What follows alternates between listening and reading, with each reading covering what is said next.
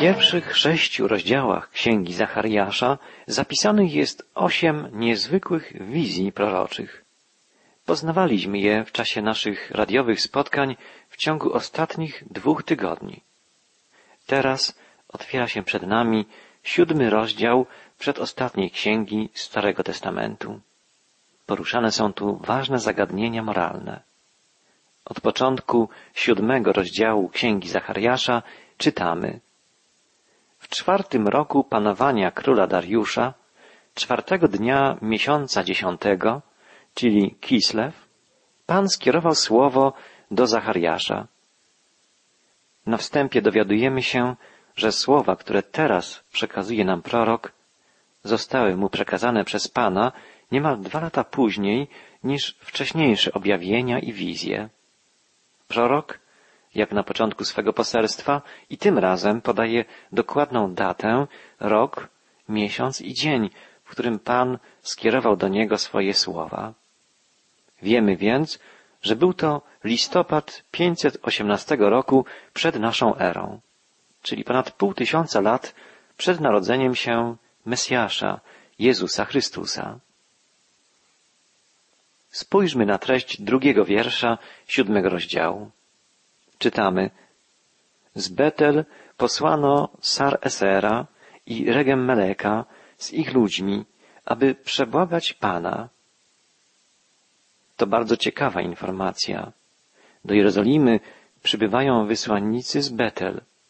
Nazwa Betel znaczy w języku hebrajskim dom Boga. Tu objawił się Bóg Jakubowi, gdy uciekał on z domu przed gniewem swego brata Ezawa. Jakub ujrzał we śnie drabinę, której szczyt sięgał nieba i stępujących po niej aniołów bożych. Patriarcha Izrael spędził w tym miejscu noc i powiedział, zaprawdę Pan jest na tym miejscu. Nic tu innego, tylko dom Boży i brama do nieba. Jednak w Betel nigdy nie zbudowano świątyni. Dom Boży, jedyna świątynia Pana, znajdowała się w Jerozolimie. W Betel natomiast w czasach królestwa zbudowano ołtarz i złoty posąg pogańskiemu bóstwu Baalowi. Tu znajdował się jeden z głównych ośrodków pogańskiego kultu w północnym Izraelu. Dlatego miało tak wielkie znaczenie, że wysłannicy z Betel teraz, po powrocie z niewoli, przybyli do Jerozolimy, żeby pokłonić się Panu. Zwróćmy uwagę na imiona przybyszów. Sar Ezer i Regem Melek to imiona babilońskie. Żydzi, którzy przez kilkadziesiąt lat przebywali w Babilonii, przybierali miejscowe imiona. Nie znaczy to jednak, że wyrzekali się własnych korzeni, religii czy kultury. Widzimy, że gdy tylko było można, powrócili do stron ojczystych. Wzmianka o repatriantach z Betel jest bardzo istotna, bo dowodzi, że wśród kilkudziesięciu tysięcy Izraelitów, którzy powrócili z niewoli, byli przedstawiciele wszystkich także północnych plemion i że wszyscy traktowali Jerozolimę jako jedyne centrum religijne. Nie ma podstaw, żeby mówić o dziesięciu zaginionych plemionach Izraela. Po powrocie z Babilonii przedstawiciele wszystkich dwunastu plemion izraelskich udali się do swoich stron rodzinnych, ale pielgrzymowali odtąd do Jerozolimy. Nie mamy już w Piśmie Świętym relacji, by powstał gdziekolwiek na północy czy na południu kraju jakikolwiek inny ośrodek kultu. Tak więc przedstawiciele mieszkańców Betel przybyli do Jerozolimy, żeby przebłagać Pana, jak mówi prorok, żeby pokłonić się Panu w nowo odbudowanej świątyni, w nowym i jedynym dla Izraela domu Bożym. Przybyli też po to, by zadać kapłanom i prorokom ważne dla nich pytanie. Czytamy, z Betel posłano Sar Ezera i Regem Meleka z ich ludźmi, aby przebłagać Pana. A kapłanów ze świątyni Pana zastępów oraz proroków zapytać, czy w piątym miesiącu powinienem trwać w smutku i postach, jak to czyniłem dotychczas od wielu lat? Post w piątym miesiącu, o którym tu mowa, był postem upamiętniającym tragiczne zdarzenia sprzed kilkudziesięciu lat. Zburzenie świątyni jerozolimskiej i całego miasta. Zniszczenia świątyni dokonały wojska babilońskie króla Nebukadnezara i stało się to w piątym miesiącu, siódmego dnia tego miesiąca, jak czytamy w drugiej księdze królewskiej, a był to rok 586 przed naszą erą. Spalono wtedy świątynię Pana, pałac królewski i wszystkie duże domy w Jerozolimie. Na pamiątkę tego smutnego wydarzenia wygnańcy izraelscy pościli w piątym miesiącu każdego roku, przez kilkadziesiąt lat przebywania w niewoli. Teraz, gdy w Jerozolimie odbudowano świątynię, pojawiło się pytanie, czy trzeba pościć nadal? Czy też, skoro świątynia została odbudowana, można zaprzestać postu w rocznicę zburzenia poprzedniej świątyni? Jaka będzie odpowiedź kapłanów i proroków? Jaka będzie odpowiedź samego Pana? Posłuchajmy, co mówi Zachariasz. Pan zastępów skierował do mnie to słowo. Powiedz ludowi całego kraju i kapłanom. Jeżeli przez siedemdziesiąt lat pościliście w żałobie w piątym i siódmym miesiącu, czy pościliście ze względu na mnie? Niezwykłe pytanie. Poprzez usta proroka przemawia sam Pan. I zamiast odpowiedzi na pytanie przybyszów z Betel, słyszymy pytanie Pana. Czy pościliście ze względu na mnie? W żałobie w piątym i siódmym miesiącu przez siedemdziesiąt lat pościliście, będąc w babilońskiej niewoli. Ale czy pościliście ze względu na mnie? To przejmujące, bardzo poruszające pytanie, bo świadczy o tym, że Bóg patrzy głęboko w serce człowieka i cokolwiek on czyni, nawet jeśli pości i zakłada żałobę, nawet jeśli okazuje żal z powodu upadku świątyni, Bóg zadaje pytanie o prawdziwe motywacje, o rzeczywistą przyczynę postu, a także innych obrzędów i rytuałów. Przysłuchajmy się słowom Pana, przekazanym przez proroka Zachariasza. Mowa jest o postach w piątym i siódmym miesiącu. Powiedz ludowi całego kraju i kapłanom, jeżeli przez siedemdziesiąt lat pościliście w żałobie w piątym i siódmym miesiącu, czy pościliście ze względu na mnie? Post w piątym miesiącu upamiętniał, jak mówiliśmy, zburzenie pierwszej świątyni, zbudowanej przez Salomona. Natomiast post w miesiącu siódmym upamiętniał inne tragiczne wydarzenie związane z upadkiem Jerozolimy. Obchodzony był na pamiątkę zamordowania Godoliasza, człowieka, który stanął na czele resztki ludu judzkiego, biedoty pozostawionej przez Babilończyków w Jerozolimie i jej okolicach, by uprawiali pola i winice. Do Godoliasza, ustanowionego namiestnikiem w Mispie, przybył prorok Jeremiasz i zachęcał go, żeby nie buntował się przeciw wojskom babilońskim, ale by prowadził lud judzki w spokojnej, wytrwałej odbudowie kraju. Godoliasz był dobrym człowiekiem. Dążył do odbudowy normalnego życia w Judei. Nadzorował zbiory winnic i pól. Czytamy w księdze proroka Jeremiasza w rozdziale 40. Wrócili wszyscy ci Judejczycy ze wszystkich miejscowości, w których byli rozproszeni i przybyli do ziemi judzkiej, do Godoliasza, do Mispa.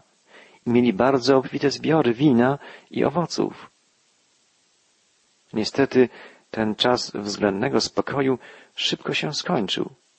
Przeciwko Godoliaszowi wystąpił Ismael, człowiek, który pragnął za wszelką cenę przejąć władzę. W siódmym miesiącu właśnie przybył Ismael, syn Netaniasza, a wraz z nim dziesięciu mężów do Godoliasza. Gdy tam w Mispie spożywali razem posiłek, powstał Ismael, syn Netaniasza, dziesięciu mężów, którzy mu towarzyszyli i zamordowali mieczem Godoliasza, syna Szafana, pozbawili więc życia tego, którego król babiloński ustanowił namiestnikiem kraju. Zamordował też Ismael wszystkich Judejczyków, którzy byli u Godoliasza na uczcie i wojowników chaldejskich, którzy tam się znajdowali. W tej bratobójczej rzezi poległo wielu spośród Judejczyków, którzy pozostali w kraju. Ismael dokonał jeszcze kilku krwawych czynów. Między innymi zamordował kilkudziesięciu mieszkańców Sychem, Shilo i Samarii, przybyłych do Jerozolimy, żeby opłakiwać zburzenie miasta i świątyni. Przeciwko okrucieństwom Ismaela wystąpił Johanan, syn Kareacha, i wybuchła wojna domowa, w której zwyciężył Johanan, gdyż większość ludzi przerażonych krwawymi morderstwami Ismaela przeszła na stronę Johanana. Niestety w czasie tych bratobójczych walk znów polegli ludzie i pozostało ich już naprawdę niewielu.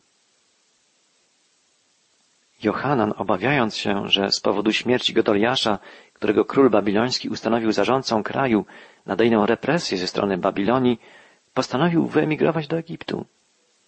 Przed wyruszeniem w drogę udał się wraz z całym ludem do proroka Jeremiasza, żeby prosić go o zasięgnięcie Bożej Rady. Wtedy wszyscy dowódcy wojsk i Johanan, syn Kareacha i Azariasz, syn Hosajasza oraz wszyscy ludzie, młodsi i starsi, przystąpili do proroka Jeremiasza i rzekli Niech nasze błaganie dotrze do Ciebie. Módl się za nami do Pana, Twojego Boga, za tą całą resztą, gdyż z wielkiej liczby pozostała nas tylko mała garstka, jak to widzisz na własne oczy. Niechaj Pan Twój Bóg wskaże nam drogę, którą mamy pójść i powie, co mamy czynić. Ta prośba wydawała się świadczyć o dobrej woli resztki Judejczyków, by usłuchać Bożej rady, by pójść drogą, którą wskaże im Pan. Prorok Jeremiasz odpowiedział im, mówiąc, dobrze, oto ja, stosownie do waszego życzenia, będę się modlił do Pana, Boga naszego i oznajmię wam wszystko, co Pan wam odpowie. Nic przed wami nie zataję. Jeremiasz zawsze przekazywał swym rodakom Boże słowa, Bożą wolę. I teraz prorok też podkreślił, że jego rada nie będzie oparta na własnych przemyśleniach, na własnej mądrości, ale będzie to głos Boga, Boża mądrość, Boża wola. Posłuchajmy, jakie przyrzeczenie złożyli Johanan i wszyscy pozostali. Oni zaś rzekli do Jeremiasza, niech Pan będzie świadkiem przeciwko nam, prawdziwym i wiernym, jeżeli nie postąpimy dokładnie według słowa, z którym Cię pośle do nas Pan, Twój Bóg. Czy to będzie dobre, czy złe, usłuchamy głosu Pana, naszego Boga, do którego wysyłamy Cię, aby się nam dobrze wiodło, gdy usłuchamy głosu Pana, naszego Boga. Ludzie ci zapewniali, że tym razem usłuchają głosu Pana. Przyrzekali, że postąpią tak, jak zdecyduje Bóg. To wszystko brzmiało wspaniale. Boży prorok będzie modlił się do Pana i przekaże ludowi wszystkie słowa, jakie oznajmi mu Bóg. I oni składają przyrzeczenie, postąpimy we wszystkim według tego, co Bóg objawi dla nas. Czy będzie to dobre, czy złe, usłuchamy głosu naszego Pana, Boga, aby się nam dobrze powodziło. Wydaje się, że miał nastąpić zdecydowany przełom, że ludzie chcieli słuchać Boga. Przecież właśnie o to chodzi, by słuchać Boga, by postępować zgodnie z Jego słowem. Trzeba tu podkreślić, że także w naszym życiu Boże Słowo powinno być przewodnikiem, drogowskazem. Ale czy tak jest? Czy nasłuchujemy głosu Boga? Czy jesteśmy gotowi postępować zgodnie z Bożym Słowem, cokolwiek to dla nas oznacza? Spójrzmy, jak postąpili Judejczycy. Po upływie dziesięciu dni doszło Jeremiasza słowo Pana. Wtedy wezwał Johanan, syn Kareacha, wszystkich dowódców wojsk, którzy byli z nim, i wszystek lud, od najmłodszych do najstarszych, I rzekł Jeremiasz do nich, tak mówi Pan, Bóg Izraela, do którego posłaliście mnie, abym przedstawił mu wasze błaganie. Jeżeli osiądziecie w tej ziemi na stałe, to odbuduję was i nie zburzę, zasadzę was, a nie wyplenię, bo żałuję zła, które wyrządziłem wam.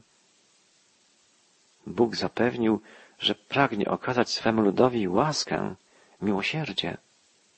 Nie będzie ich dalej sądził i karał, jeśli tylko okażą mu posłuszeństwo. Bóg jest miłosierny, łaskawy, pragnie błogosławić swemu ludowi. Nie bójcie się króla babilońskiego, którego tak się boicie. Nie bójcie się go, mówi Pan, gdyż ja jestem z wami, aby was wybawić i aby was wyrwać z jego ręki. I wyjednam dla was zmiłowanie, także on zmiłuje się nad wami i pozwoli wam wrócić do waszej ziemi. Bóg będzie chronił swój lud, jeśli tylko zdecyduje się on pozostać w ziemi obiecanej, jeśli okaże posłuszeństwo Bożej woli. Były to wspaniałe, krzepiące, pełne miłości i otuchy nadziei słowa. Jednak Bóg zna serca ludzkie i wie, że jego lud po raz kolejny nie będzie chciał go słuchać. Dlatego przez usta proroka przekazuje słowa ostrzeżenia. Jeżeli jednak powiecie, nie osiądziemy w tej ziemi, nie słuchając głosu Pana, waszego Boga i mówiąc, nie, pójdziemy do ziemi egipskiej, gdzie nie zobaczymy już wojny, nie usłyszymy głosu trąby, nie będziemy łaknąć chleba i tam się osiedlimy. To słuchajcie słowa Pana, resztko Judy. Tak mówi Pan zastępów, Bóg Izraela. Jeżeli rzeczywiście zamierzacie iść do Egiptu i pójdziecie tam, by tam przebywać jako obcy przybysze, to miecz, którego się boicie, tam was dosięgnie, w ziemi egipskiej, a głód, którego się lękacie, przylgnie do was w Egipcie i tam pomrzecie. I wszyscy mężowie, którzy zamierzają pójść do Egiptu, aby tam przebywać jako obcy przybysze, wyginą od miecza, od głodu i od zarazy, i nikt z nich nie ocaleje, i nie ujdzie nieszczęścia, które ja na nich sprowadzę. Mimo tak wyraźnego ostrzeżenia, Judejczycy postanowili pójść do Egiptu. Swoją decyzję opierali na kalkulacjach czysto ludzkich. Sytuacja w zniszczonej Judzie nie zachęcała do pozostawania w kraju, ale mieli przecież słowo żywego Boga. Mieli Jego obietnicę, że będzie ich chronił, błogosławił, że będzie się o nich troszczył. Nie zaufali jednak Panu. Polegali na sobie, na swoich kalkulacjach, na własnej wątpliwej mądrości, na własnych rachubach. Pomyślmy, czy nie jesteśmy często podobni do tamtych ludzi? Czy w wielu decyzjach i tych ważnych, życiowych, i tych drobnych na co dzień nie realizujemy przede wszystkim własnych planów? Czy nie dzieje się tak, że idziemy za głosem własnego rozumu, za głosem swoich ambicji, pragnień, rządz nie słuchamy głosu Boga, nie pytamy, jaka jest Jego wola, nie ufamy obietnicom Bożego Słowa. Ufamy raczej własnym siłom, własnym zdolnościom, liczymy na własną inteligencję, spryt. Idziemy do Egiptu, do królestwa ludzkiej chwały, krainy ludzkich możliwości.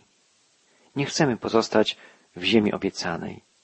Nie starcza nam wiary, by polegać na Bogu, na Jego obietnicach.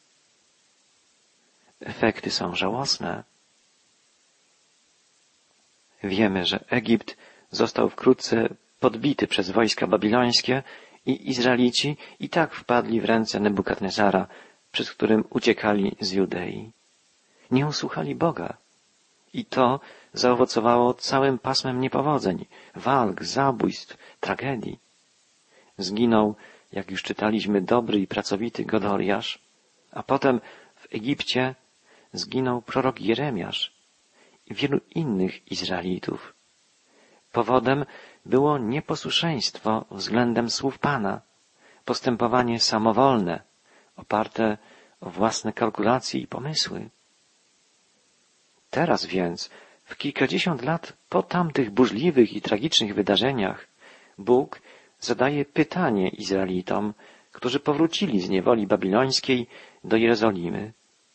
Czy wasze posty w piątym miesiącu na pamiątkę zburzenia świątyni i w siódmym miesiącu na pamiątkę zamordowania Godoliasza, czy te wasze posty były naprawdę postami prowadzonymi ze względu na mnie? Czy wiązało się z nimi prawdziwe upamiętanie, zrozumienie przyczyn tragedii, upadku świątyni i śmierci wielu, wielu ludzi? Czy też wasze posty były jedynie jeszcze jedną więcej tradycją, obrzędem, który nie pociągał za sobą głębszej refleksji, nie spowodował ukorzenia się przede mną jako waszym Bogiem? To pytanie Pana, przekazane ludowi Jerozolimy przez Zachariasza, było jednym z najważniejszych pytań stawianych w imieniu Pana przez wszystkich wielkich proroków. Przypomnijmy na przykład słowa Izajasza. Wołaj na całe gardło, nie powściągaj się, podnieś jak trąba swój głos i wspominaj mojemu ludowi jego występki. Wprawdzie szukają mnie dzień w dzień i pragną poznać moje drogi, jakby byli narodem, który pełni sprawiedliwość i nie zaniedbał prawa swojego Boga.